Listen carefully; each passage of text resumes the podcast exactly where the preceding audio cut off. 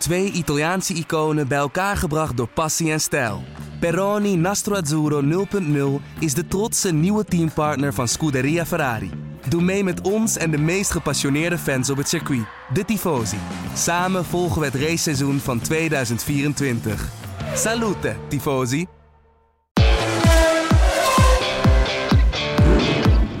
Dit is de Formule 1-podcast van De Telegraaf.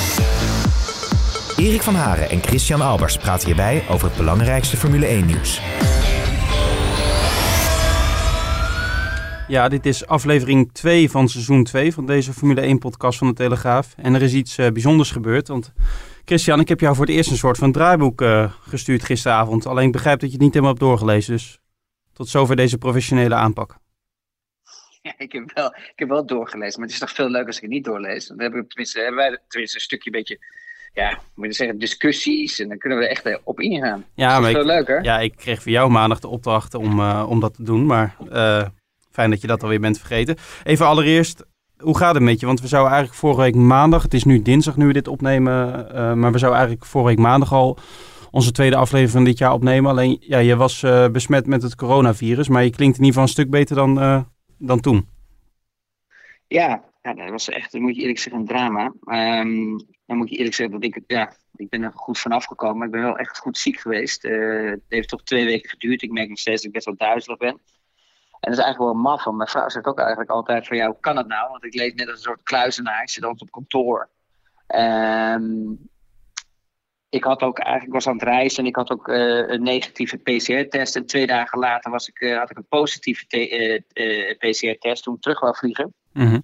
Ja, en op een gegeven moment ja, kreeg ik koorts en kreeg ik de rillingen en kreeg ik het super koud. En dat was gelukkig maar één dag dat ik echt even ja, een behoorlijke verhoging had. En de volgende dag ging het eigenlijk wel weer, maar dan was het elke keer up en down. Dus ja, ik kan me wel voorstellen als mensen het krijgen die conditioneel uh, niet zo sterk zijn. Dan moet ik eerlijk zeggen dat ik, dat ik de laatste jaren conditioneel helemaal niet meer sterk ben. Want ik, ik heb volgens mij al uh, sinds 2010 nooit meer uh, hard gelopen of iets gedaan. Dus ik ben ook een stukje zwaarder geworden, bijna ja. 15, 20 kilo. Zie je niet verder, maar... Nee, 63 of bijna 80, dus daar zit wel een beetje verschil in. Um, maar ja, weet je, het is als je, nou ja, als je zo lang getraind hebt altijd, weet je, op een gegeven moment, na 17 jaar trainen, ben je er ook echt wel een keer klaar mee. En ik weet wel dat allemaal die die goeroes allemaal in health en trainers en al dat dingen allemaal uh, altijd het beste advies hebben wat je allemaal moet doen. Maar het is ook soms wel eens een keer lekker gewoon om ze helemaal de stekker eruit te trekken en dan gewoon eens een keer ook een beetje te leven. Want 17 jaar lang heb ik als een, uh, ja, moet je dat zeggen, altijd monnik. hard getraind. Ja, altijd hard getraind en nooit. En nu, nu eet ik gewoon lekker wat ik wil en uh, geniet ook een beetje meer van het leven. Ja. Maar um, om terug te komen, ja, die corona, dat is echt gewoon uh, ja, badass. Het is gewoon echt verschrikkelijk, moet ik zeggen. Het is, uh, je denk, we denken er allemaal heel makkelijk over. En ik kan me wel voorstellen dat de overheid uh, en zeker de ziekenhuizen, daar ze er toch een beetje angst voor hebben. Want er zijn natuurlijk best wel veel mensen die toch, ja, stiekem toch een, een grotere klap krijgen dan, dan ik heb gehad. En ik was er al behoorlijk ziek van. En ik moet je eerlijk zeggen, het, het, blijft, het is nog steeds niet helemaal weg. Uh, want je, je, ik ben nog steeds uh, vaak vermoeid en uh, duizelig. Alleen ja, ik, ik heb meer zo'n zo'n mentaliteit dat ik altijd lekker doorga. Dus ik probeer zo min mogelijk van te voelen. Maar ik denk dat andere mensen er wel echt last van kunnen krijgen. Ja, dus als je even in slaap valt tijdens deze podcast, dan weten we waar het door komt. Uh, ik val nooit bij jou in slaap, want er is altijd nieuws bij jou. Nee, nou, dat is andersom precies hetzelfde. Dus waarvan akte. Laten we gelijk beginnen. Kijk, het enige voordeel dat we gisteren niet hebben... gra- Trouwens, voordat ik vergeet, dat wel grappig is, Erik. Ik heb vier testen gedaan. Ja. Ja, om weer te testen nadat ik ziek was geweest. Er waren er gewoon twee negatief en één positief. En, en, en sorry, drie negatief en één positief. Mhm. Dus die testen zijn ook een beetje raar, om heel eerlijk te zijn. Hmm. Ja, nou ja, goed. Voor de, mens, voor de mensen. Dus uh, dan, Ja. weten ze dat als ze zichzelf gaan testen continu, dat er toch best wel veel eh, ja, errors nog steeds in zitten. Ja, nou ja, eh, goed om in de gaten te houden en eh, goed om te horen dat het in ieder geval weer wat beter met je gaat en dat we weer met elkaar kunnen praten, Eh, zover, eh, hè, zover dat mogelijk is. Ehm, het enige voordeel is dat we gisteren niet hebben opgenomen de- wegens de weersomstandigheden, is dat, ja, dat we dan eigenlijk al achter de meut hadden aangelopen, omdat rond het middaguur bekend werd dat Lewis Hamilton zijn contract eh, heeft verlengd bij Mercedes. Dus alle stoeltjes voor komend seizoen zijn bezet. Eh, het, zal ons niet, eh, het is geen verrassing voor ons in ieder geval dat het om een eenjarige deal gaat. Want daar hebben we het natuurlijk al vaker over gehad.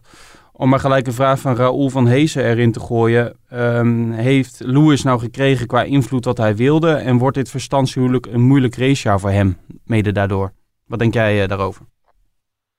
Nou, ik denk dat het geen moeilijk racejaar wordt. Want uh, als je eenmaal in de auto zit, vergeet je alles. Maar ja, ja dit hadden we natuurlijk al voorspeld. Hè. Het is natuurlijk een rare tijd. En uh, je ziet dat uh, Mercedes volledig focust op elektrische auto's, waardoor ze heel veel geld moeten investeren.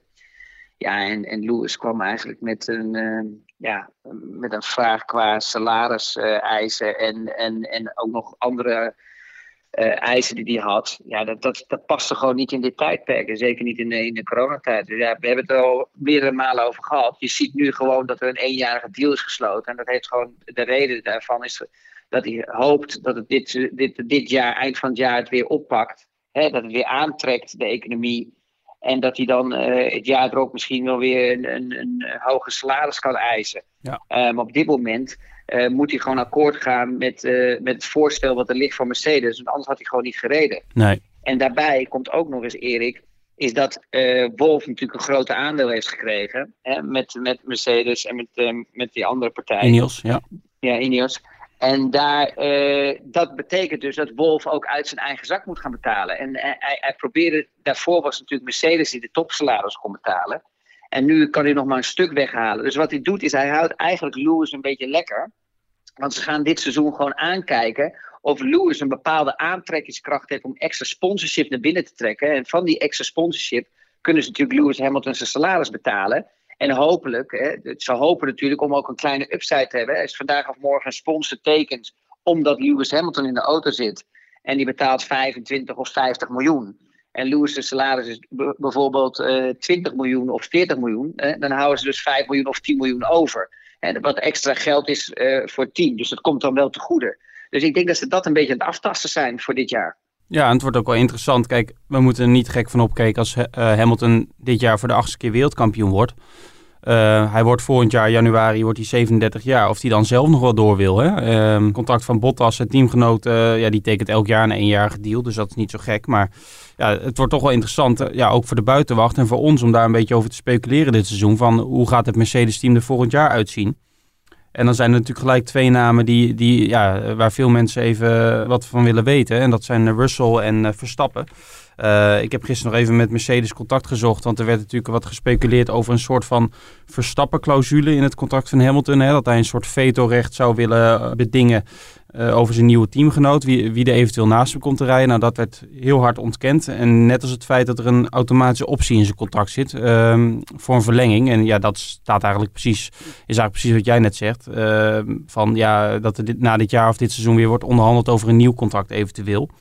Maar wat denk jij als je nu, het is lastig om te zeggen, het is nu februari, maar denk je dat hij uh, na dit jaar een keer mee op zou willen houden? Of, of geloof je dat niet? Denk je dat hij volgend jaar met die nieuwe regels dat hij het nog een keer wil laten zien?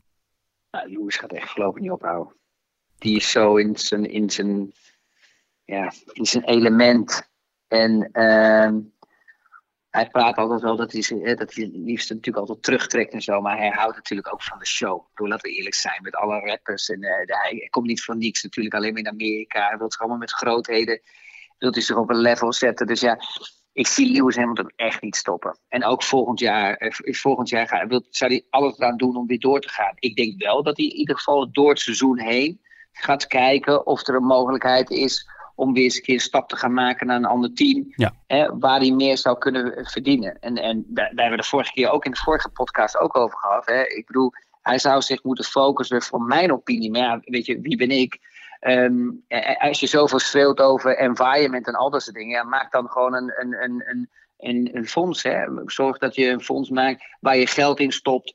Uh, waar je echt dingen gaat doen voor het milieu. Hè? Um, in plaats van het, het, alleen maar schreeuwen. Want het is een beetje moeilijk in Formule 1 dat uit te leggen. Ondanks dat Formule 1 daar wel veel aan doet. Mm -hmm. uh, want je moet met zo min mogelijk benzine zo lang mogelijk rijden en met zoveel mogelijk vermogen.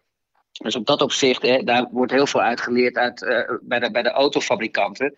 Alleen dat zien natuurlijk nooit die milieuactivisten, dus dat is natuurlijk ook wel jammer.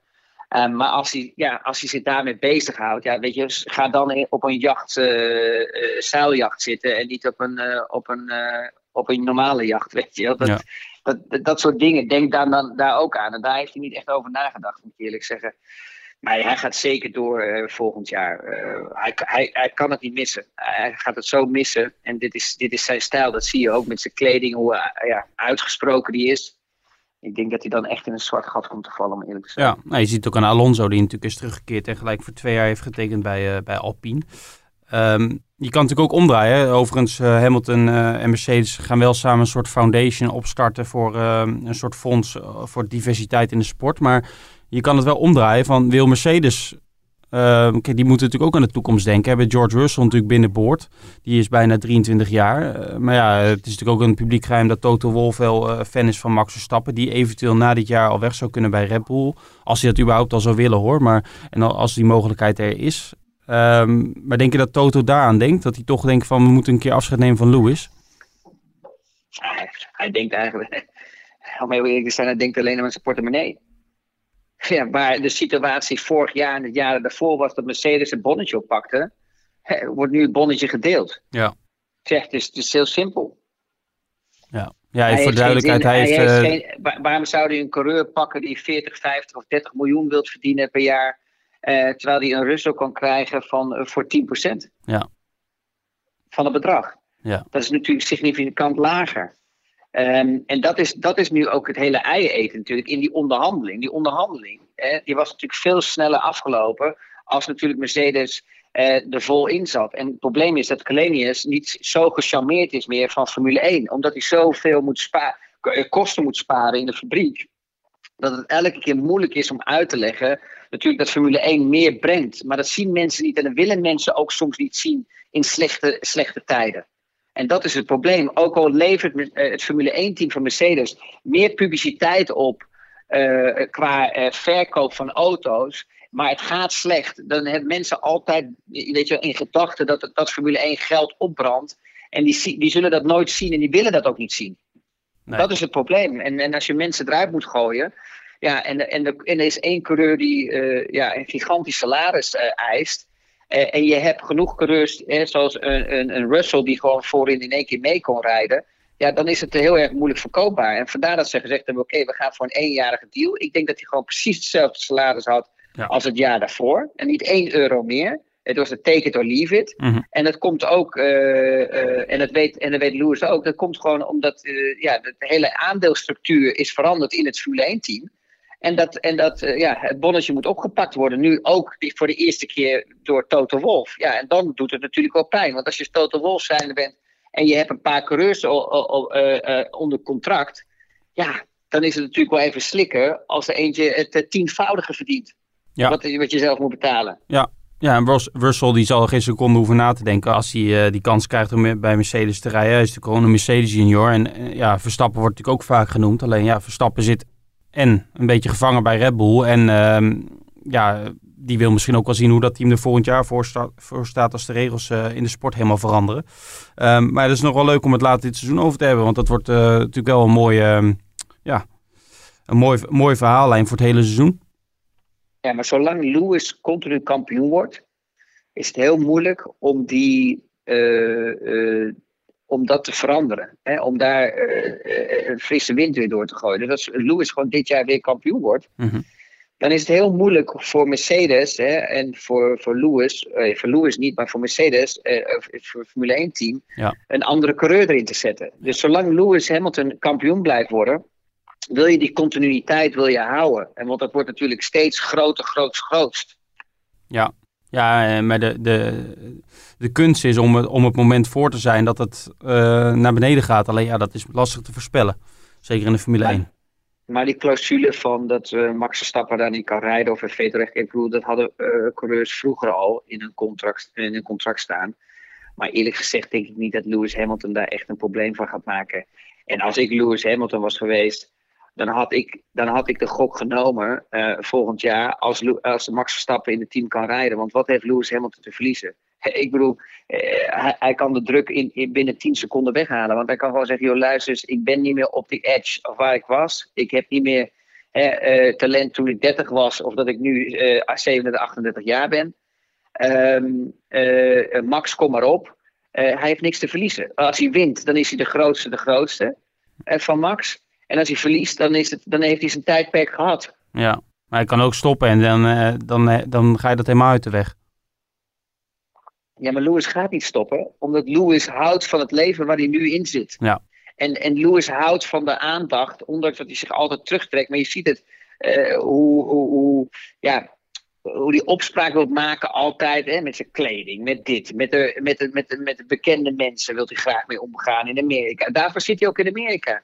Hij houdt daarvan. Hij is daar, hij is daar van mijn opinie verslaafd aan geraakt. Mm -hmm. En daar wil hij, daar wil hij ja, zich in blijven uh, bewegen. Ja, ja. nou wordt vervolgd.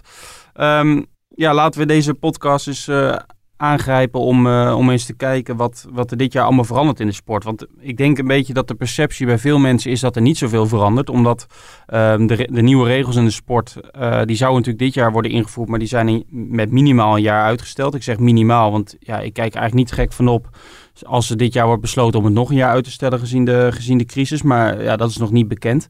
maar er verandert toch nog best wel veel dit jaar. Um, zullen we het eens een keer doorlopen met z'n tweeën? Um, ja, om even te beginnen, heel simpel is, uh, is misschien ook nog gewoon goed om even te melden, is dat, dat de vrijdagtrainingen, dus de twee trainingen op vrijdag, niet anderhalf uur, maar één uur duren. En dat de starttijden van de race tien minuten naar voren gaan. Hè. Die, die, bijvoorbeeld de Europese races uh, waren allemaal om tien over drie afgelopen jaar. Nou, die worden verzet naar drie uur. Uh, misschien goed voor het boekje. En uh, ja, op de kalender staan nog steeds, is nog steeds de planning dat er 23 races worden verreden. Dat zou een record zijn. Maar ja, we moeten echt maar kijken of dat gaat gebeuren. Er wordt nu ook gesproken om misschien het seizoen, dat natuurlijk start op 28 maart in Bahrein. Om, uh, om misschien twee races in Bahrein te gaan rijden. Als niet in Portugal kan worden geraced. De derde race van het seizoen, die overigens nog niet is ingevuld. Dus dat is allemaal nog een beetje afwachten. Ehm, denk jij dat daar veel. Uh, dat dat nog veel stress oplevert? Of hoe zie jij dat voor je? Zie jij überhaupt gebeuren dat er 23 races worden verreden? Of denk je weer meer op 17, 18 zoals vorig jaar? Ja, dat is, ik vind het heel erg moeilijk om in te schatten. Maar ja. zoals ik het nu zie, uh, Monaco op dit moment is ook niet echt ja, fantastisch, om heel eerlijk te zijn.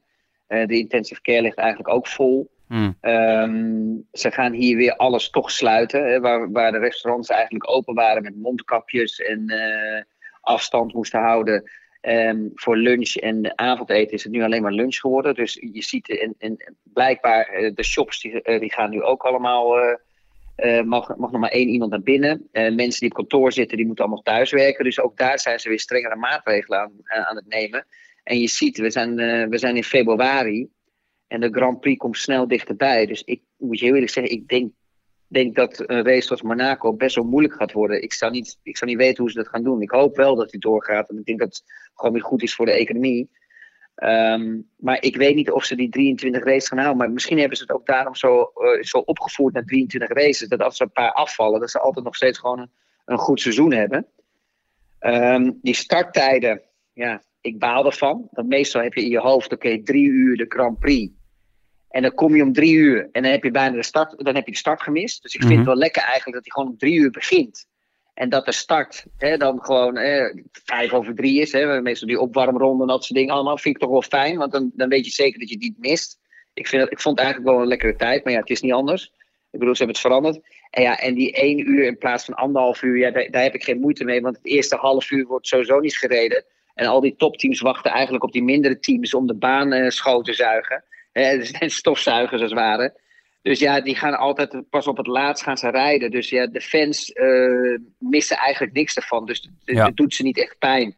Uh, ik, ik, je, je, houdt dezelfde kilometrage, je houdt dezelfde rondes dat iedereen gaat rijden en dat iedereen op de baan komt. Dus ik moet je eerlijk zeggen, het is misschien wel makkelijker voor jullie, voor de journalisten en zo, weet je, dat je niet hoeft anderhalf uur hoeft te hangen. Ja, ik moet ook zeggen, we moeten de training ook niet voor het grote publiek en ook voor ons niet groter maken dan het is. In welke sport ter wereld uh, is er nou zoveel aandacht voor trainingen? Hè? Worden alle trainingen live uitgezonden? Het zijn ook maar trainingen. Het is voor de teams heel belangrijk, maar um, ik denk dat het wel goed is qua, qua airtime, zeg maar. Ook op zaterdag, die training is natuurlijk maar een uur. Zie je ook vaak dat, dat de teams onder normale omstandigheden pas na een kwartier, twintig minuten de baan op gaan.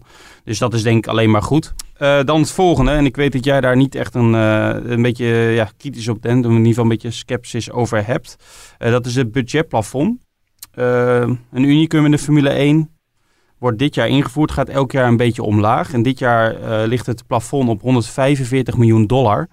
Eh, wat een team dus mag uitgeven. Alleen ik moet er wel gelijk bij zeggen dat er volgens mij een lijst is met 25 uitzonderingen. En bijvoorbeeld de drie topsalarissen van, ja, dus van de best betaalde mensen in een bedrijf of in een renstal, die tellen niet mee. En ook alle marketingkosten en alle kosten rond coureurs, dus ook de reiskosten en ook de salarissen, die vallen daar niet onder. Uh, wat vind jij daarvan? Ja, ik vind het nonsens, maar ja, dat is mijn opinie. Omdat het gewoon bijna niet te controleren is. Mm Er zijn altijd wel loopholes. Ja. En dat wil zeggen dat je, ja, dat bijvoorbeeld een fabrikant zoals Mercedes misschien iets ontwikkelt voor een auto wat we kunnen gebruiken voor het Formule 1 team. Je, je weet dat niet. Dat zou je nooit kunnen controleren. Dus dat is echt heel moeilijk. Ja. Ja, en je kan natuurlijk ook een beetje eh, een Mercedes of een Alpine hè, met Renault, die hebben natuurlijk ook een, ja, die, die ontwikkelen ook hun eigen motoren. Ik kan me ook voorstellen dat je dan daar een beetje eh, in kan schuiven. Ja, daarom. Dus ik bedoel, de motoren zitten er al, zijn er al buiten. Dus ja, eh, motoren is toch al, eigenlijk ook alweer eh, 40% van de auto. Eh, het, het, motorvermogen. Dus ja, eh, daar zit dan weer geen budgetplafond. Ja. Dus ja, het is een beetje moeilijk. Kijk, Mercedes kan natuurlijk ook alles op de motordepartment gooien. En zoveel mogelijk daar nog steeds ontwikkelen. Hè? Bijvoorbeeld zoals versnellingsbakken, dat soort dingen, allemaal design en zo. Dus ja, dat is dan maar. Ik vind voor mij is het heel, moeilijk om te controleren. En dat is hetzelfde als dat je dat nu met voetbalclubs gaat doen. Ja, ik bedoel, waar gaan we naartoe? Ja, oké, Ajax heeft ook een budgetplafond en die gaan straks zeg je 50 miljoen. Ja, ga maar spelers kopen in deze tijd voor 50 miljoen. Ja, dan kom je niet ver. Nee, nee. Um, een, een ander nieuw ding, wat denk ik veel mensen ook nog niet weten, is, um, is een soort windtunnel handicap. Hè? Die, uh, die wordt ingevoerd. En dat is misschien ook gelijk een goede kijk om te zien hoe ze dat gaan controleren. Maar bijvoorbeeld, het, uh, dat werkt dan zo. Hè? Je hebt bijvoorbeeld ook in de NBA, bij de basketballers heb je de draft. Dat de talentvolle spelers uit het college, die worden dan elk jaar gekozen. En dan krijgt het minste team krijgt de eerste keuze, de eerste pick. Uh, dit is eigenlijk een beetje hetzelfde systeem. Dus uh, ja, in de windtunnel wordt natuurlijk veel getest uh, met betrekking op de auto. En het slechtste team van vorig jaar, dus dat is nu Williams. Die krijgen dan 100 van de beschikbare tijd, 112,5% van de tijd mogen zij gebruik maken van de windtunnel, van hun windtunnel. En het beste team Mercedes, 90%. Dus um, dat is ruim 20% minder dan een, een Williams. zie jij daar nog fiducie in dat dat wel een, iets is, of is het ook meer een beetje voor de bühne? Nee, dat zou wel iets kunnen, iets kunnen zijn, moet je eerlijk zijn. Want omdat op die windtunnels zijn natuurlijk allemaal toch wel draaiuren. Ja. Hè, die makkelijk gecontroleerd kunnen worden. Um, volgens mij is het ook verplicht bij de governments, uh, bij de overheden. Um, die hebben sowieso ook tijden waar ze wel niet die, die, die, die windtunnels aan mogen zetten. Mm -hmm. Um, en het, ja, het is natuurlijk wel beter voor de mindere teams. Dan moet ik wel eerlijk zeggen dat je tegenwoordig al die slimme computers hebt. Hè? Dus uh, zo'n Formule 1 team, die hebben echt computers staan van, uh, van hier echt naar Tokio. Dat is niet normaal, die, die ruimtes. Dus die doen al heel veel ontwikkeling en eigenlijk aerodynamische testen al op, op in die computersoftwares. Dus ze hebben eigenlijk uh, vaak al 60, 70 procent voorwerk gedaan voordat ze in de windtunnel komen. Um, en daarnaast ook nog eens daarbij, alles wat in de windtunnel ook getest wordt, wil niet altijd zeggen dat het ook werkt op het screen. Dat is heel raar. Ja. Dat ligt ook aan bepaalde, uh, aan de wind, hè, hoe de wind op het circuit staat, maar ook uh, toch uh, naar, naar de grootheid toe. En dan met een kleiner model te testen. Ja. Daar zitten ook in calibratie, hebben ze vaak daar problemen mee. Um, dus dat, dat blijft dan toch altijd wel weer zo, ja, weet je wel, iets moois in de sport. Ja, gelukkig dat maar niet altijd, ja. ja. dat niet altijd helemaal werkt en zo. Nee. Dus dat is wel leuk. Dus ik moet je eerlijk zeggen, ik vind dat niet echt een verkeerde, uh, verkeerde regel. Want dan, dan, dan heb je zo'n team die achteraan is, die kan toch iets meer werk doen. Misschien dat gat wat ze achteraan hebben, toch iets meer te kunnen dichten. Weet je? Dat ze een beetje meer bij, bij, de, bij de pack komen. Ja, ja, ik vind het ook wel goed hoor. Als je het zo op papier hebt, dan, dan denk je misschien, als je cynisch naar kijkt, het komt een beetje kunstmatig over. Maar ja, het is in ieder geval een teken dat, dat, dat er mensen in de sport hè, uh, proberen om in ieder geval dat gat, die kloof, uh, ja, dat het, om het, allemaal iets te nivelleren. Um, en ja. dat is in ieder geval een goed streven. Kijk, of het, hoe het uitpakt, dat moeten we afwachten. Maar het is in ieder geval een goed streven. Um, maar het is makkelijker te controleren, Erik. Ja. Het is net zoals met de, met de testen. Ja, als ze met een testverbod, dan zegt hij, ja, kan die en die. Ja, maar je kan niet sneaky gaan testen. Nee. Een Formule 1 auto maakt gewoon echt serieus lawaai. dus, ja. en, en hetzelfde is met, natuurlijk met een windtunnel. Als je die op gaat starten, ja, weet je, dat is, dat is niet stil. Dan hoor je echt serieus. Nee. Nee, testen is uh, voor de duidelijkheid uh, ja, dit jaar drie dagen in Bahrein. En je mag volgens mij twee keer in het jaar een soort showrun doen van maximaal 100 kilometer. En dat is het dan. Uh, je kan verder niet in de Formule 1 auto van dit jaar mag je verder niks doen. Ik vind het persoonlijk echt veel te weinig. Oké. Ik vind het ook niet eerlijk naar een team toe. Je moet toch zorgen dat die mensen weet je wel, in een rol komen. Hè? Dat iedereen weet dat het een, een, een, een oliemachine is, weet je wel, die gewoon een machine die gewoon echt weet, oké, wie heeft zijn plek waar. En ik bedoel, die extra testdagen, waar praten we over? Weet je wel, we praten over een testdag. Ik bedoel, als je een, een, een budgetplafond van 145 miljoen hebt, zo'n testdag kost misschien inkoop van Formule 1 team misschien 2,5 ton. Uh, per dag. Oké, het is natuurlijk serieus veel geld, laten we dat voorop stellen. Maar je wilt toch ook als Formule 1-fan, vind je toch ook mooi dat natuurlijk iedereen gewoon ja, goed georganiseerd naar de eerste race komt. En dat iedereen ook een eerlijke kans heeft. Hè? Uh, om, om, en je merkt dat al die auto's steeds later klaar worden gemaakt. Om zoveel mogelijk nog technische snufjes op zo'n op zo'n Formule 1-auto te, te doen. Ja. En, en, en, dus je wilt dat ook zo, zo, ja, zo goed mogelijk testen. En ik vind dat ze daar echt te weinig testdagen hebben. En dan merk je ook dat er ook steeds minder uh, ja, nieuw talent kan komen. Ja, Die moeten toch de kans hebben om, om, om ze te laten, ja, te laten zien dat ze, dat ze de snelheid hebben. Ja, ik kreeg ook de vraag van mensen van...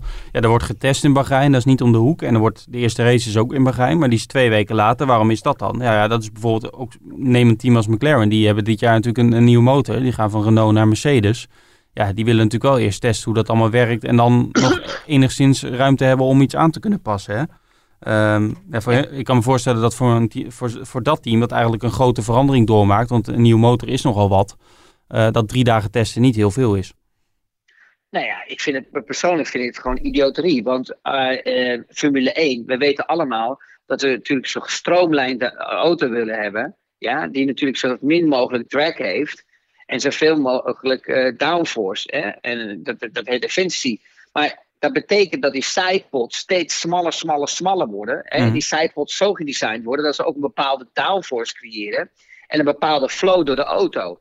Dus je, we hebben het al jaren meegemaakt natuurlijk bij McLaren toen Eddie Newey er nog zat. Ik bedoel, die auto die haalde niet eens drie, vier rondjes. En dan liep hij al warm en dan ging hij kapot. Dus ja, als je, als je daar een fout in maakt, ja, dan is het gewoon overuren, eh, weet je wel, dat, dat, dat gemaakt moet worden in een Formule 1-team, om dat weer goed te maken voor de eerste race. Dus het zijn gewoon te weinig testdagen. Ik vind dat ze daar gewoon minimaal, uh, zeg maar, tien testdagen moeten hebben voordat de eerste race is, want het is zo voorbij. En dat, en dat deden ze vroeger eigenlijk goed, hè. We hadden in Barcelona, had je gewoon één week testen, van maandag tot en met vrijdag, en daar wisselden de teams, zeg maar, waren de coureurs. Dus je had de, de rijdende coureurs en dan kreeg je een paar testcoureurs. Mm Waardoor ook dat budget opgehaald kon worden door de mindere teams. Maar ik bedoel, het probleem is nu wat er nu wegvalt, is dat al die testcoureurs die vallen weg. Ze willen een, een, een budgetplafond doen, ja, maar ze halen zoveel testwerk weg. Zo'n zo'n zo'n testcoureur, als je dan gaat kijken in het verleden, die betaalde soms gewoon tussen de 5 en de 10 miljoen euro. Ja, dat is serieus geld. En zo'n testdag kost 250.000 euro. En laat het misschien 350 of 500.000 euro kosten. Ligt aan welk team dat is natuurlijk. Maar 500.000 euro. En die, en die reed soms maar drie, vier dagen. Dat is, dat is, dat is gewoon anderhalf miljoen euro op een, op een stoeltje van 5 miljoen. Dat betekent ja, dat het natuurlijk eh, 3,5 eh, miljoen winst is, wat weer te goede komt voor een team. Mhm. Dus ja, weet je, ze schiet zichzelf weer eigenlijk in de voet. Ja, ja. Uh, motoren hadden we het net al even over. Uh, als ik het goed heb, wordt er dit seizoen ook ingevoerd dat er maar één upgrade kan worden doorgevoerd. In plaats van de drie van de afgelopen jaren.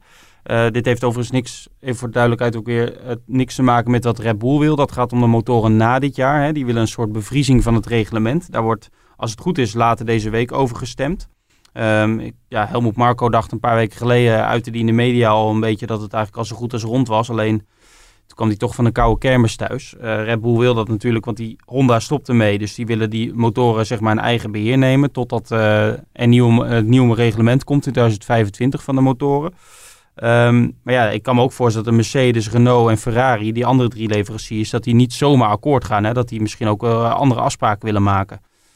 Um, dus dat wordt ook nog vervolgd. Maar dat is meer iets voor richting volgend jaar. Maar dat speelt nu natuurlijk ook. Want Red Bull moet natuurlijk op een gegeven moment ook weten waar ze aan toe zijn. Alleen het is volgens mij wel duidelijk dat ze niet meer terug willen naar een uh, klantenteamstatus. Zoals we jarenlang hebben gezien met Renault. Snap je dat? Ja, maar het is ook natuurlijk al die Formule 1 teams willen eerst eens zien waar ze staan. En Ja. daar heb je toch een seizoen voor nodig. Ja. Dus ik denk dat ze pas halverwege het seizoen eh, eh, het liefst het gesprek willen voeren. En ik begrijp dat Red Bull natuurlijk die bevriezing wilt hebben. Eh, maar met alle respect, ik denk ook dat Red Bull gewoon met Honda echt een goede motor had vorig jaar. En ik denk gewoon dat de auto iets minder was. En, en dat is de realiteit. Eh, je zag toch dat ze gewoon voorin mee konden rijden. Je zag dat Renault daar niet in meedeed. Je zag dat McLaren ook eh, Renault-motoren had. Die waren ook goed, maar die reden ook nog steeds niet voorin mee. Dus ja, eerlijk gezegd eh, hadden ze, hebben ze gewoon een, supergoeie motor. En, en, en ook behoorlijk betrouwbaar. Ja. En Mercedes kan natuurlijk in de onderhandelingen zeggen van ja, Red Bull, jullie wonnen de laatste race in Abu Dhabi. Eh, ja, jullie staan helemaal niet zo slecht voor. Correct. En eh, ja, Honda gaat natuurlijk binnenkort, dat kun je nu al intekenen, zeggen dat ze, dat hebben ze eigenlijk al een beetje gezegd, dat ze dit jaar nog één keer vol gas gaan geven. En dat ze met de beste motor ooit komen eh, wat Honda betreft. Dus eh, nou, we gaan eens zien eh, hoe dat gaat lopen. We hebben ook nieuwe banden van Pirelli dit jaar. Die zijn Maar vorig komt er dat ze ook heel veel mensen hebben weggehaald. Hè, overal. Hè, bij, Ja. bij, bij, bij Mercedes. En Ja. nog een paar mensen hebben ze binnengehaald. Honda Ja, bedoel die je. hebben natuurlijk, ja, die Ja. hebben natuurlijk ook. die, die, die, die, je kan, die mensen kunnen natuurlijk. Die hebben geheimhoudingsplicht. Die kunnen geen tekeningen meenemen. Maar je weet wel natuurlijk. Een engineer weet natuurlijk wel hoe een motor eruit heeft gezien. Ja. Ja. Dus Ja. ja, daarvoor, zijn ze ook wat. eh, en arrogant is verkeerde woord. Maar een beetje meer overtuiging hebben. Zodat ze misschien al met, een- met, met een veel betere motor kunnen gaan komen. Ja, ja. Ehm, die nieuwe banden van Pirelli was vorig jaar ook al wat om te doen. Want eh, zeker bij, volgens mij zijn die twee keer getest door de coureurs op een vrijdag. De eerste keer waren ze, om het zacht uit te drukken, niet bijst enthousiast. De tweede keer heb ik eigenlijk minder over gehoord. Eh, dat heeft natuurlijk ook weer impact op de auto's. Eh, want aerodynamisch verandert er ook nog wel wat. Ehm, ja, Red Bull teambaas Christian Horner zei volgens mij iets van ja, dat, het, dat ongeveer 60% van de auto hetzelfde blijft in vergelijking met vorig jaar. En James Allison, de technisch directeur van Mercedes, eh, zei dat we eigenlijk een beetje terug gaan naar het niveau van de auto van 2019, dus van twee jaar geleden. Iets minder downforce, eh, aanpassing aan de vloer, aan de diffusers met name. Ehm, ik kreeg daar nog een vraag van Laurens Tuinier. Ehm, Wie denk je dat er gelijk heeft? James Allison of eh, Christian Horner? Nou, als ik de laatste jaren moet bekijken, neig ik naar James Allison. Ehm Laurens Steinier die vraagt, gaat Red Bull vanwege het high rake concept, hè, dus die hoge achterkant, eh, waar Adrian Newey bekend om is, eh, meer last krijgen van de nieuwe re- regelgeving rondom de vloer dan de andere teams?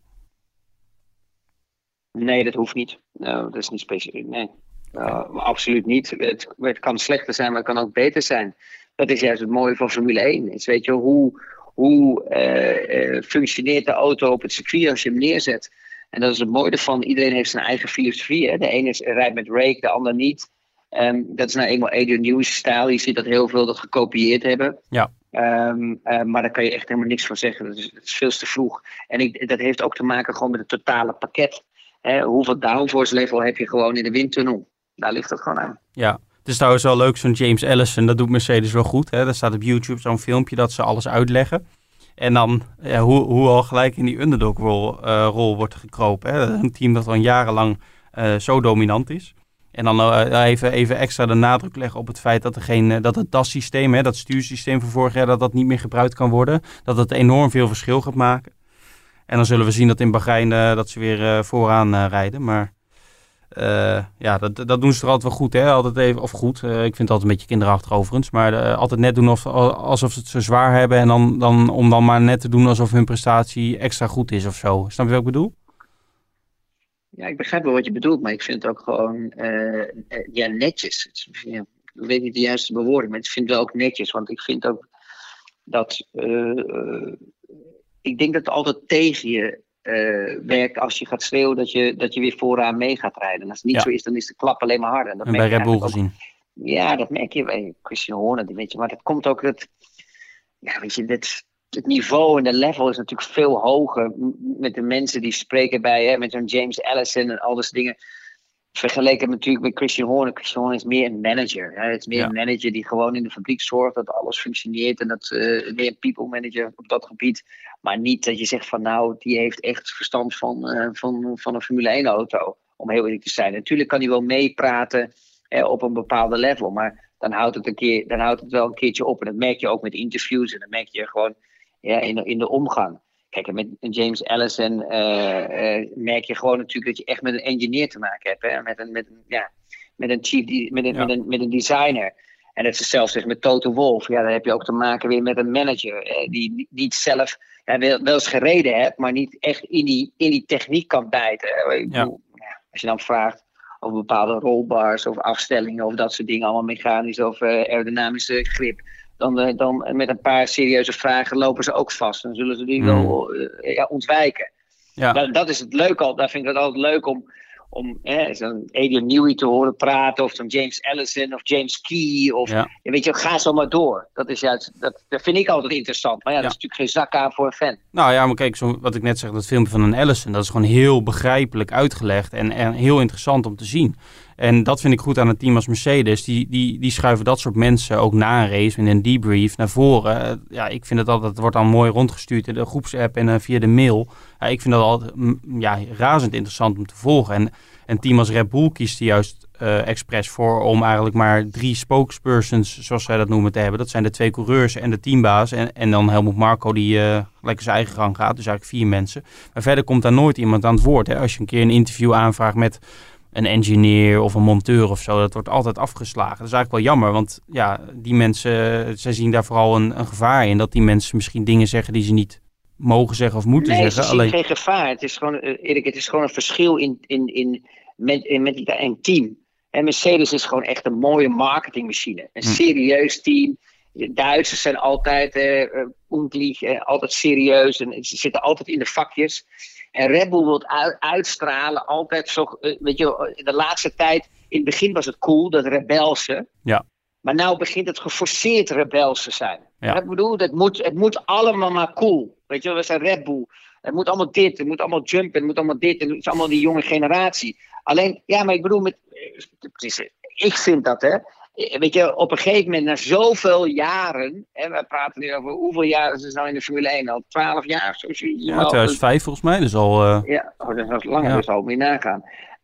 15 jaar, 16 jaar al. Ehm, op een gegeven moment, ja, weten we het nu wel. Weet je, we weten nu wel, Red Bull is rebels, dit en dat, zus en zo. Ja, that's it. Ja, het is natuurlijk ook En een marketingmachine, maar op een andere manier. Zij zijn natuurlijk van de, van de gelikte filmpjes, hè, van de, hè, waar, waar heel veel werk en tijd en geld in wordt gestopt. Hè, met die, met die Ja. gewichtsloze pitstops, met, met dat filmpje met in Zandvoort vorig jaar. Het is geweldig om te zien, alleen het is niet echt... Ja, het, het, het is een andere manier. Het is, het is spectaculair en het, het zal veel mensen juist ook wel weer... eh, daar, zullen daarop aanslaan. Dat is, hun, dat is hun stijl. Het is niet Maar dan informatief. zie je bijvoorbeeld, ja, maar dan zie je bijvoorbeeld een team zoals Mercedes of andere teams. Ja, die zijn wat serieus. Red Bull heeft daar eenmaal voor gekozen om, om dat rebelse te houden. En vandaar dat ze ook minder, eh, minder, minder spookmensen hebben. Hè? Dus echt, eh, dat je echt alleen maar die Christian Horner. Kijk, en Dr. Marco is altijd een beetje tegendraads geweest. Eh, die, die is niet te stoppen. Die is natuurlijk de rechterhand van Mattesiets. En die zegt gewoon wat op zijn tong ligt. En dat is natuurlijk niet Wel altijd leuk. het slimste. Nee, het is wel leuk, maar het is ook niet altijd even slim. Maar goed. Wel leuk voor jullie, ja. voor de pers is het wel leuk. Ja. Ja, ja. Ehm, ja, zo zie je maar dat er toch wel best wel veel verandert. En iedereen kijkt natuurlijk ook uit naar volgend jaar met die nieuwe regels. Hè, waar die auto's simpelweg een stuk eenvoudiger worden.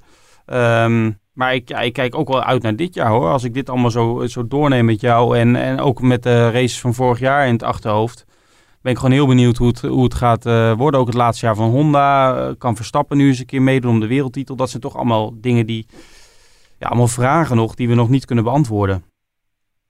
Nou ja, dat is het leuke van Formule 1. Kijk, het kan dus best wel eens zijn dat in dit seizoen in één keer weer toch weer alle rollen omgedraaid worden. En dat Red Bull wel voorin mee kan rijden. Ja. Die kans is er, want je haalt ergens 10, 10 tot 15 procent downforce weg uit een auto. En elke auto reageert daar anders op. De ene die krijgt, de ene houdt een neutrale balans. De ander krijgt een, een oversturende balans of een ondersturende balans, wat heel moeilijk is op te vangen, vangen. Waardoor je dus weer aanpassing moet doen, waardoor je in plaats van 15 tot 15 procent in één keer 20 procent ehm, eh, wegvalt. Dus dat is het mooie ervan. Het is nu straks weer zoeken naar oplossingen om die auto het maximale weer eruit te halen. En dat is het leuke ervan. Ja, nee, duidelijk. Eh, ik heb nog... En het mooie ervan is Oh. ook, om heel eerlijk te zijn, ook voor Vettel. Ja, Erik, ja, weet je wat wel leuk is nu? Je, Nee. je zag bijvoorbeeld dat eh, ehm, het, Aston Martin, het nieuwe Aston Martin eh, Racing Team, Mhm. dat natuurlijk vorig jaar redelijk goed mee kon komen. Dus het is ook wel mooi voor Vettel, om heel eerlijk te zijn. En, en in plaats van dat je weer veel meer kan ontwikkelen, moet je een stap terug doen. Dus het is eigenlijk wel, het, om heel eerlijk te zijn, he- hebben ze, ja, Stroll heeft natuurlijk gewoon mega veel geluk. Die heeft gewoon een kopie van een Mercedes Formule 1 auto eh, overgenomen. Mhm. Ja, en, waar, eh, en dan nog eens een keer gratis een jaar erbij gekregen waar je niet zoveel mag ontwikkelen. Nee. Ja, ik bedoel, mo- mooier kan niet. Het is de, de beste investering die ze ooit konden doen in Formule 1. Er is nog nooit één iemand geweest in de Formule 1 die zoveel geluk heeft gehad. Want als je een Formule 1 team gaat kopen of op gaat zetten, daar, komt, daar gaat zoveel geld in zitten. Dat is niet normaal. Ik heb wel eens gezegd, het is, ja, eh, eh, eh, Formule 1 team maakt nog geld sneller op als dat je het gewoon ergens neerlegt in, of je gooit je geld in de open haard, dan brandt het nog langer als dat je het neerlegt in een Formule 1 team. Het is echt niet normaal. Dus de- ook al ben je een biljonair en heb je 10 miljard, om een voorbeeld te geven, dan nog steeds heeft diegene, die biljonair, nooit 10 miljard, 10 miljard cash.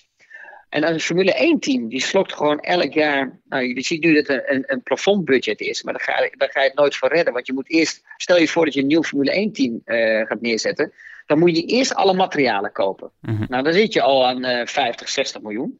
Alles bij elkaar, als het niet veel meer is. Met een pand, met vrachtwagens, eh, mont- eh, eh, eh, met alle eh, materialen, gereedschappen. Gaan ze maar door, auto's bouwen.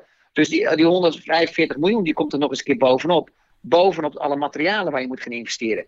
En dat is allemaal cash. Dus zelfs de grootste biljonair, ja, die wordt er zelfs nog gewoon ja, misselijkmakend van hoeveel cash op eh, verbrand wordt.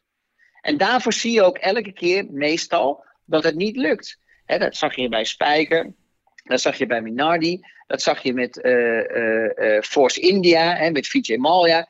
Weet je, er, is geen, er is geen limit. Het kost zoveel geld. En dan zie je eigenlijk dat een Lance Stroll, eh, eh, Lance Stroll ingestapt is. Ja, en dat hij eigenlijk op dat moment ja, eigenlijk het echt goed voor elkaar had. Hè? Dat hij dus, dus, dus de deal heeft gemaakt, ja, waarschijnlijk hè, tussen haakjes met Toto. eh, een kopie van de oude Mercedes Formule 1 auto. Mhm. En daarop door kan breiden. Dus hij heeft nu al twee seizoenen waar ze gewoon goed kunnen presteren. Ja. Ja. Ja dat- Dat is nog nooit in de historie voorgekomen met een Formule 1 team. Nee. Voor s- eh, relatief zo weinig geld. En, en eh, eh, vergeet me niet, dat is nog steeds heel veel geld. ja, maar relatief weinig. Ja, als je het zo uitlegt. Toch? Ja, Ja. Ik je krijgt ook wat voor wat voor terug nu. Ik bedoel, normaal, normaliter heb je aan ontwikkelingskosten misschien wel eh 80, 90, 100 miljoen. En blijkbaar hebben ze natuurlijk een deal gemaakt met het Mercedes Formule 1 team of Toto en, eh, en Stroll. Eh, maar kan je één ding verzekeren, dat is nooit eh, 100 miljoen of 120 miljoen geweest. Nee, nee ik, ik ben nog heel benieuwd hoe een viervoudig wereldkampioen als Vettel daar eh, gedijt. Komend jaar, en we krijgen natuurlijk Alonso terug al genoemd eh, eh, bij, bij Alpine. Wordt natuurlijk allemaal razend interessant om, eh, om te volgen. Ehm, laten we tenslotte nog even kijken naar wat vragen eh, voor jou. Die zijn er eh, weer binnengekomen, je verwacht het niet. Wil je beginnen met een lastige of een, moeilijke, of een eh, makkelijke vraag? Het lijkt wel Oh, eh eerst een 1 lastige. tegen 100, maar... eh, Kies je voor een lastige vraag? Ja, Oh, tuurlijk. meestal eh, deelnemers Ik daar die kiezen altijd voor een makkelijke vraag aan het begin. Maar Nee, ik vind het eh, altijd lastig. vind ik altijd leuk. Ja, goed. Dennis Broekhart, ja, die heb ik onlangs de grootste Christian Albers fan genoemd, zonder cynisme. Maar die vraagt wel even, heb je eigenlijk veel last gehad eh, in of na je carrière van het zogenaamde tankincident op Magny-Cours? Ja, ik heb er heel veel last van gehad. Eh, ehm, omdat, omdat in Nederland toch altijd, weet je, Nederland is toch altijd een land waar ze eigenlijk liever hebben dat iemand valt, hè, als dat hij fantastisch is. hè. Dat hebben we in het begin gezien met Max Verstappen. hè. Eh, toen hij een paar keer eraf vloog, hè, dat je dat soort vragen krijgt en dan krijg je die push en dan, dan werd het weer gepusht. Of dat hij eh, eh, zijn vaders kant op ging met Jos Verstappen, met Grimbakken, dat soort dingen. En dat is niet altijd eerlijk, want als je gaat kijken eh, internationaal, dan zie je natuurlijk dat veel meer mensen weggerezen zijn met, eh, met, eh, met eh, zo'n brandslang. Als je Kimi Räikkönen zag of Massa, zelfs met een hele kar erachteraan die in de brand stond. Hamilton, ga zo maar door. En daar zie je niks van. In Nederland wordt dat eigenlijk altijd uitgemolken. ja, heb ik er veel last van gehad. het, is niet, het is niet leuk. Maar aan de andere kant, ja, ik weet wat daar gebeurd is. En, ehm, en, en ik weet waarom ik wegreed. Ehm, ja, helaas kan ik daar nooit echt over, uh, meer over vertellen. Omdat dat gewoon contractueel allemaal vastgelegd is. Dus uh, aan de ene kant, weet je, daar, daar zijn situaties geweest waar ik moest kiezen. Of gewoon stil te zijn of uh, voor je ego verder te gaan. En moet je heel eerlijk zeggen, dan, dan was het een betere optie die ik nu op dit moment genomen had. Ja, maar het is vervelend dat het wel aan je blijft hangen natuurlijk. Nou, Bij ja, sommige ik, mensen. Ik bedoel, heel veel mensen zijn het ook alweer vergeten. Maar je, dat is altijd in Nederland. Als je eh, boven het mindset komt, dan gaat je kop eraf. Ja. Um, en uh, ja, het enige wat voor mij wel eens is, als ik zo, als ik nu relativeer ik meer, omdat ik ouder ben. En ja, ja, ik moet je eerlijk zeggen, voor mij was altijd de droom Formule 1. Alleen ik was gewoon meer succesvol in de andere raceklasses. Maar waar, als, je, als je echt terugkijkt en je gaat eerlijk kijken, waarom was ik meer succesvol in andere raceklassen? En waarom heb ik bijna gewoon alles gewonnen wat te winnen viel? Want ik heb gewoon baanrecords staan in Formule 3. Ik heb Formule 3 kampioenschappen gewonnen, Formule Ford, alles, karting, de hele mikmak. Tot en met uh, Formule 1 ben ik bijna in alles succesvol geweest. Uh, best rookie, DTM, uh, vice-meister achter de, de, de, de Michael Schumacher van de Tourwagens, Bernd Schneider. Ga zo maar door. En waarom is het in Formule 1 niet gelukt? Ja, dat is gewoon heel simpel. Dat is gewoon materiaal. Je moet het geluk hebben. En ik heb helaas niet het geluk gehad dat ik me kon ja, manifesteren en, en profileren dat ik, dat, ik, eh, dat ik een talent was. Dat ik opgepakt werd in de Formule 1. Daar kwam heel veel politiek bij staan. Daar kwam het juiste management moest je daarvoor hebben. Nou, ik had geen Flavio Briatore. Ik had een, een eigen reclamebureau toen de tijd met Lodewijk Verrossio. Mm -hmm. En ja, blijkbaar waren wij internationaal niet sterk genoeg om die stap te kunnen maken. En ik was er één keer heel dichtbij. Ja. Toen ik dat contract aangeboden kreeg van Honda, Honda. om naast Jensen Button te gaan rijden. En ja, dat, uh, dat, uh, dat karretje werd eigenlijk uh, in de stront gereden door, door Barrichello en Gilles de Var. Ferrand, zijn buurman. Ja. Ja. Ja. En ja, in Miami, ja. En ja, dat was jammer. Maar dat, dat, dat zijn nou eenmaal situaties die zo zijn verlopen. En dan moet je ook realistisch zijn. En dan houdt het ook een keer op. Kijk, in, in, in Spijker ja, verkeerde in een situatie waar ze gewoon financieel niet meer sterk was. Ja, er was één coureur die, ja, die echt heel veel geld meenam en de ander niet. Die salaris kreeg, ja. En toen gebeurde, toen gebeurde dit, dit. Ja, daar zou ik nog wel een keer een boek over willen lezen. Ik weet niet of je, mag je daar nooit iets Ja, over zeggen of uh, verjaart het op een gegeven moment? Dat weet ik eigenlijk niet. Dat zou ik een keer moeten vragen aan Ja. advocaat. Ik heb geen flauw idee. Ja. Kunnen er nog een keer een hele is- uitzending aan wijden? als, je, als je dan een keer naar buiten komt, hè, dan, dan hebben ze ook wel weer wat te zeggen. Ja, dan is het van, ja, weet je, hij is gefrustreerd, dit en dat is zo. Laten we zo zeggen, ik heb nu gewoon een totaal ander leven. Ik mis, ik mis niet zoveel. Ik vind wel leuk om dat terug, naar, eh, terug te kijken, hè, wat ik allemaal bereikt heb. Want ik was wel in de Formule 1 toch al mijn teamgenoten die eh, naast me reden. Die heb ik eigenlijk allemaal verslagen. Hè, met twee vingers in mijn neus. Iedereen. Ehm, dus ze kunnen in ieder geval nooit zeggen. Ik bedoel, eh, met Sutil was het echt een nek-en-nek race. Eh, maar ik had daar wel een Mike Gasco met daar een nieuw systeem op de auto gezet. Ehm, dat eh, eh, qua een, een, anti-braking, eh, dus een anti-slip mode is dat. Als je heel hard remt met de Formule 1 auto, dan kan je wel eens de achterwielen blokkeren.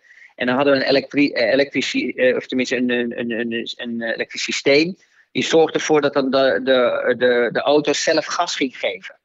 Dus waardoor de achterwielen weer gingen draaien. En dat systeem, dat, heb je, dat had je op twee manieren. Dat kon met sensoren op de achterwielen of met een sensor op het rempedaal. Maar omdat ik uit de DTM kwam, eh, eh, rende ik pompend als het ware. Dus ik remde heel hard en dan ging ik als het ware met mijn voet heen en weer als een soort ABS. Dat heb ik me aangeleerd toen de tijd van Bernd Schneider, omdat ik anders ook een keer op mijn sodomieten kreeg en dat ik langzamer was. Dus ik moest wel een keer sneller zijn. En dat is, dat is eigenlijk altijd in mijn lichaam gebleven. En het probleem was met Mike Gasco is dat die sensoren, die had hij eraf gehaald aan de achterkant van de, van de wielen. Dus als je dan pompend remt, dan, dan merkt die sensor op de achterwielen dat niet. Nee. Dus die heeft gewoon de snelheid van het wiel. Maar als je dat, die sensor op het rempedaal doet, ja, en het rempedaal gaat heen en weer wat je pompt, dan blijft hij dus eigenlijk achter gas geven eraf, gas geven eraf, gas geven eraf. Waardoor ik dus heel veel onderstuur kreeg eh, de bochten in te remmen. En daar kwamen we pas heel laat achter in het seizoen. Na twee, nou, ik denk zo drie, vier, vijf races of zo. Mm. Waardoor ik eigenlijk in de wintertest was ik een seconde sneller als Sutil. Maar in één keer bij de eerste race hadden ze dat veranderd. En toen was ik in één keer veel langzamer. Dan ga je twijfelen aan jezelf. En dan kom je in zo'n negatieve spiraal. Dus het zijn echt allemaal momentopnames als coureur zijnde. Ja. ja, en dat is. Uh, maar, maar voor de rest heb ik eigenlijk altijd. Er is nog nooit één teamgenoot van mij geweest. Um, um, die mij geslagen heeft. De enige, die, de enige waar ik het van afgelegd heb. was Mark Webber. Maar dat kwam omdat hij al een heel seizoen in Formule 3000 gereden had. En hij, hij kende de circuits. En ik kwam uit Formule 3 en ik kende de circuits niet. Dus ik reed met Alonso een beetje van plek 10, 12, 15. En Mark Webber stond er net al iets voor. Ja, ja ik kreeg ook nog een vraag van Sven Snoek. Ehm, in de tijd dat jij F1 reed, toen had Mike Gascoigne, waar je het net over had, een beetje het imago van de hippe, toffe ontwerper. En Colin Collis had een beetje de naam van een wat kille, onsympathieke persoon te zijn. Ik uh, citeer hem nu even. Um, maar als ik Christian af en toe zo hoor vertellen over die tijd, dan lijkt dat beeld van beide niet helemaal te kloppen. Kan jij daar wat meer over vertellen? Uh, Mike Gasco is gewoon voor mij echt een oplichter. dat is heel duidelijk. Ik zou die wel niet leuk vinden, maar dit zit helemaal niks. Die man die steelt en die jat alleen maar designs. En die ging eigenlijk alleen maar uh, praten op televisie. Of dat hij de held was toen hij nog bij uh, Renault zat en bij uh, Toyota. Dat hij zogenaamd, hij kon zichzelf heel goed verkopen. Maar het was de slechtste designer ooit in, die ik in mijn leven heb ontmoet. Er was niks slechter dan Mike Gasco. en um, dat kwam eigenlijk, uh, hij zou wel niet blij zijn met mij, maar het interesseert me helemaal niks. Die man um, die kwam naar Midland, die kwam eigenlijk met een uh, ontwerp van Toyota. Die had hij alweer meegejat van Toyota. Dus hij, hij, kon zelf eigenlijk helemaal niks. En onze auto had van 2006 naar 2007, de, de nieuwe auto van 2007, had minder downforce als de Midland van 2006. Mm-hmm. Alleen het probleem was dat uh, Victor Muller en uh, die vond uh, dat we een statement moesten maken in die tijd. Dat we met Ferrari motoren moesten gaan ja. werken. Want die dacht dan dat die Ferrari motoren zou kunnen krijgen in spijkerauto's. En die dacht dat Mike Gasco, die moest alleen maar, wou die alleen maar namen gaan kopen. Maar Mike Gasco was echt de slechtste designer die ik ooit in mijn leven heb gehad. En hij was ook nog eens een keer stiekem, dronk hij ook nog heel veel. Ja. En als je nu mijn vrouw natuurlijk hoort, mag je dit natuurlijk allemaal niet zeggen. Maar nee, je bent van tevoren nog uh, gebriefd toen we jou inbelden. Ja, maar... je hoort het, hè? Je hoort het, Chris, je mag dat niet zeggen. Dan nee. ik denk, ja, weet je, het is toch leuk voor de fans om eens een keer te horen. Het, is gewoon echt, het was echt gewoon verschrikkelijk, die man. En ik, toen ik op een gegeven moment zei dat ik niet met die auto niet uit de voeten kwam, dat we dat moesten veranderen. Ik bedoel, mijn engineer, mijn race engineer, eh, Jody Ennington, die moest in de fabriek ergens oude onderdelen eh, van een, uit een magazijn halen om die sensors weer op de achterwielen te krijgen um, uh, uh, voor dat systeem om, om, om weer te kunnen presteren. Bizar. Zeg, daar, wist, daar wist Mike Gasco niet eens van. En in één keer was ik weer sneller dan Sutil. Weet je wel, het is gewoon... En, en, en ja, we hadden gewoon 10% minder downforce in het begin van het seizoen als dat we het jaar daarvoor hadden met Midland. Ja, dat was gewoon verschrikkelijk. En toen ik dat zei op een gegeven moment tegen Colin Collins en die ging dat tegen, toen tegen Victor Muller zeggen en Michiel Mol, nou, toen was het natuurlijk al fucking oorlog. Ja, want uh, toen had ik het natuurlijk al helemaal gedaan met Mike Esco. Maar ja, aan het eind van het verhaal was ik natuurlijk aan het racen voor mijn eigen carrière. Ja. En ik wou gewoon dat, dat we een goede auto hadden. Die gewoon mee kon doen. En in de Midland, om heel eerlijk te zijn, was een goede auto. Want ik kwam elke keer in Q2. En Q2 met een Midland, met die Toyota motor, was echt een supergoeie prestaties. Want toen wij veranderen van Toyota motoren naar Ferrari, was ik in Silverstone met testen alleen al met de motor 1,2 seconden sneller. Alleen de motor. Mm -hmm. Ja, bizar. Dus je kan je voorstellen, als James Key op dat moment, hè, die werd een beetje opzij gezet door Mike Escone. Dat was gewoon niet eerlijk. Als die gewoon de ontwikkeling door voeren met de Ferrari motor, dan denk ik dat Spijker echt goed had kunnen eh, presteren. Ja, ja. Het blijft een maatloos interessante periode. Ik, ik heb het ook wel eens eerder gezegd, op YouTube staat ook een mooie, uh, mooie documentaire als je er niet uh, genoeg van krijgt. Daar kom jij ook uh, aan het woord met wat kilootjes minder nog in die tijd. Maar uh, het, is, het is een hele interessante periode. Hè? Eigenlijk ook een beetje een dramatische periode, maar uh, qua nou ja, ook een mooie het, periode. Het, het, het, maffe ervan is eigenlijk dat het ook wel mijn carrière om zeep heeft geholpen. Ja. Dat is ook eigenlijk uh, niet leuk, omdat er gewoon zoveel strijd in het team was. En het lullige ervan was dat Michiel Mol gewoon alles daarover over had om er een succes van te maken. Maar je had een Victor Muller die uh, met zijn ego probeerde alles over te, uh, over te nemen. En, en ook, gewoon, ook nog eens een keer gewoon uh, geld overboekte van een Formule 1 team naar, naar Spijker Kaars. Waar een Formule 1 team in december, waar een Formule 1 team gewoon al het geld nodig heeft om een nieuwe auto te ontwikkelen. Dus het was echt gewoon, en, en ik was meer een psychiater in het team dan dat ik echt kon racen. Dat was gewoon niet leuk. En als je gaat kijken bijvoorbeeld naar de eerste race in Melbourne, waar ik rechtdoor vlieg als het ware de muur in ga. Dat is gewoon omdat ik gewoon rem en het gewoon de, de auto het gas erop blijft houden. Hè, dat, dat, dat hij gewoon achter denkt van dat de wielen blokkeren. En in plaats dat ik vol op de rem sta, dat hij gewoon stiekem ook gas erop blijft houden. Dus weet je, dat zijn. En, en dat zien fans natuurlijk niet. Die zien gewoon Christian Albers eraf gaan. En denken, ja, wat is dat voor pannenkoek of een koekenbakker? Ja, ja, Ja. ja. geef ze ze ongelijk. Ja, nee, ik ben eh, de laatste om dat tegen te spreken. Ja, maar ja, als je natuurlijk in een team natuurlijk een contract hebt waar je natuurlijk eh, niet slecht kan praten over een team en dat soort dingen, dat ze je anders eruit kunnen gooien en je, en je, en je krijgt een salaris. Ja, dan moet je daar aan houden. Dat, dat heeft zo'n professioneel. En die tijden zijn nu ook echt veranderd. Je merkt dat nu coureurs zich veel meer kunnen profileren, dus ze veel meer kunnen zeggen. In mijn tijd was dat not done. Als ik iets over Mercedes zei, jongen, dan, ik zweer je, dan moest, ik- moest ik boven komen. En dan moest ik mijn broek uittrekken, kreeg je billenkoek over de knie. Hm. Ja, Dat gebeurt nu alleen thuis nog.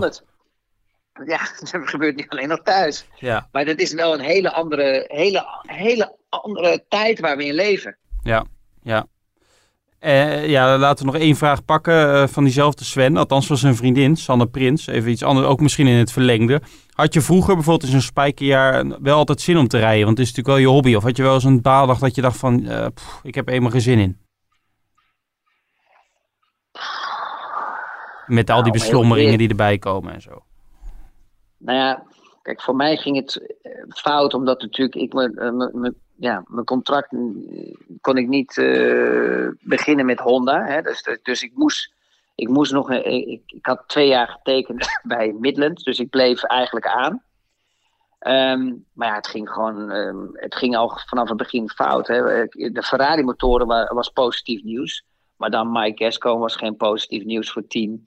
En dan had je eh, Victor Muller eh, die, eh, en, en Colin Collins en Michiel Mol. Ja, weet je, op een gegeven moment waren ze allemaal, was het gewoon alleen maar meer strijd qua ego wie de meeste publiciteit had. En dat is gewoon balen, want de enige die echt dan afgestraft werd was eh, Michiel. Want dat was, die was de enige die gewoon echt zijn ballen op het eh, hakblok deed om, om echt gewoon ja, met serieus budget te komen. Ja.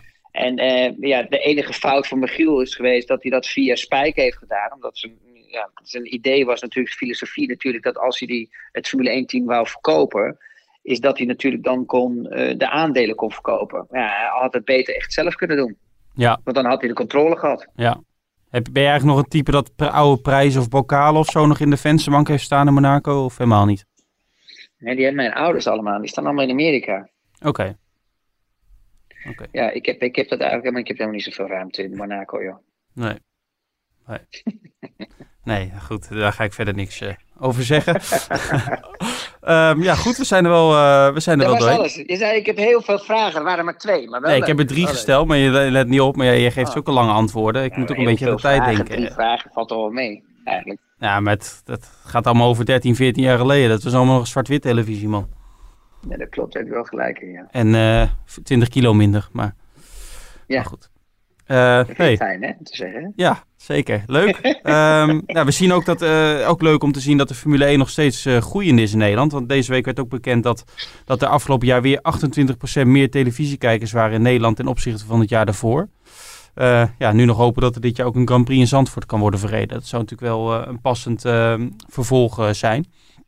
Ja, dat zou geweldig zijn. Ja. Ja. ja, nou over twee weken denk ik dat we weer een nieuwe podcast op gaan nemen. We zien ook nu de Formule 1 eh, wat langer dan normaal stil ligt. Hè? Want eh, de tests zijn pas halverwege maart dat er nog eh, genoeg nieuws is. Deze maand worden ook de eerste auto's gepresenteerd voor het, eh, voor het nieuwe seizoen.